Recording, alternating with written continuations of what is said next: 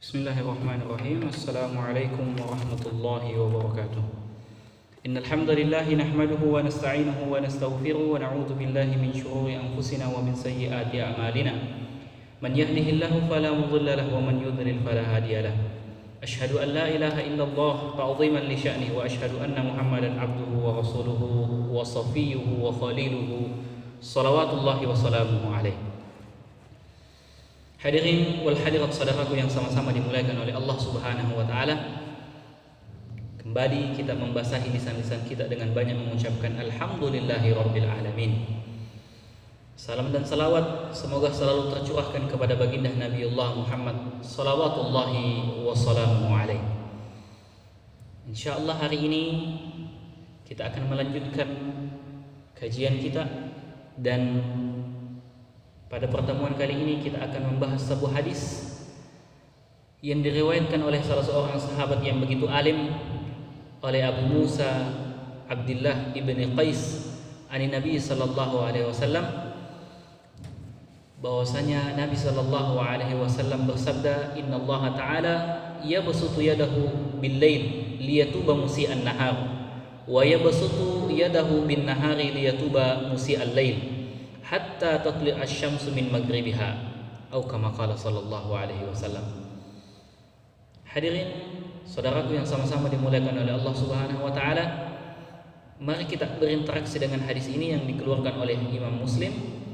Inna Allah Ta'ala yabsutu yadahu bil lail liyatuba musii'an nahar. Kata Nabi sallallahu alaihi wasallam, sesungguhnya Allah Subhanahu wa taala membentangkan tangannya di waktu malam liyatuba musii'an nahar untuk menerima taubatnya seorang hamba yang melakukan kemaksiatan, kekhilafan, kesalahan di siang hari. Wa yabsutu yadahu bin nahari liyatuba musi'al lail.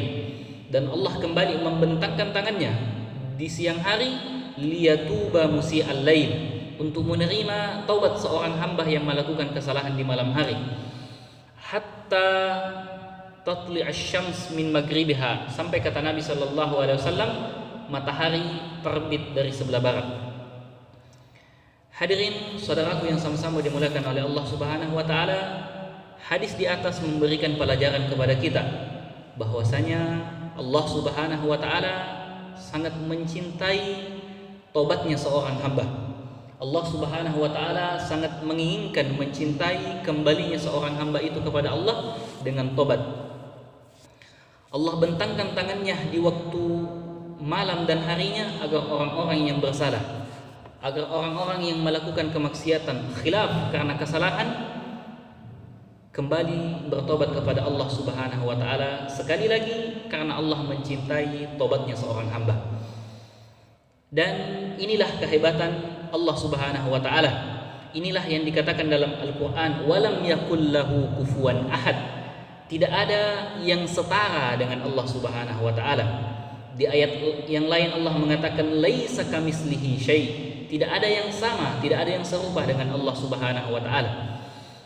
Ketika seseorang dari kita di antara kita sulit memaafkan sahabatnya, temannya, kerabatnya bahkan tetangganya atau kita perlu waktu untuk memaafkan seseorang, maka Allah Subhanahu wa taala membentangkan tangannya di waktu malam dan di siang harinya untuk menerima untuk memanggil hamba-hambanya yang melakukan kesalahan dan kekhilafan kepadanya.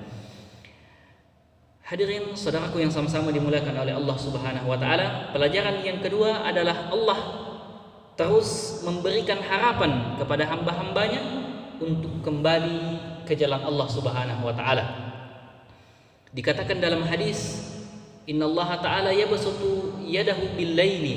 Allah membentangkan tangannya di waktu malam Kemudian di sambungan hadis Allah Nabi mengatakan wa yabsutu yadahu bin nahar. Kemudian Allah membentangkan tangannya di siang hari liyatuba musi'al lail untuk menerima tobatnya seorang hamba dari kesalahan-kesalahan yang diperbuatnya di malam hari.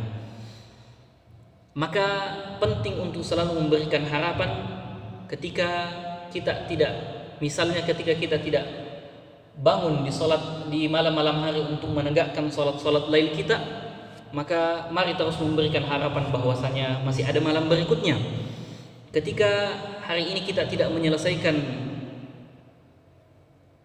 bacaan Al-Quran kita tidak menamatkan satu juz dalam sehari maka mari terus membaca Al-Quran sampai Ramadan bahkan sampai Ramadan telah berakhir pelajaran yang ketiga adalah kata banyak kata ulama mengatakan il adamil israru ila maksiyati yauman wahidan. Adalah di antara pelajaran dari hadis di atas adalah jangan menunda jangan menunda tobat kepada Allah Subhanahu wa taala. Karena selayaknya ketika seorang hamba melakukan kesalahan, kekhilafan atau kemaksiatan di siang hari, maka sesegera mungkin ia tidak memendam kesalahan itu dalam hari itu dan agar sesegera mungkin ia melakukan tobat kepada Allah Subhanahu wa taala. Inilah yang dapat kami sampaikan. Hadanallahu wa iyyakum ajma'in. Wassalamualaikum warahmatullahi wabarakatuh.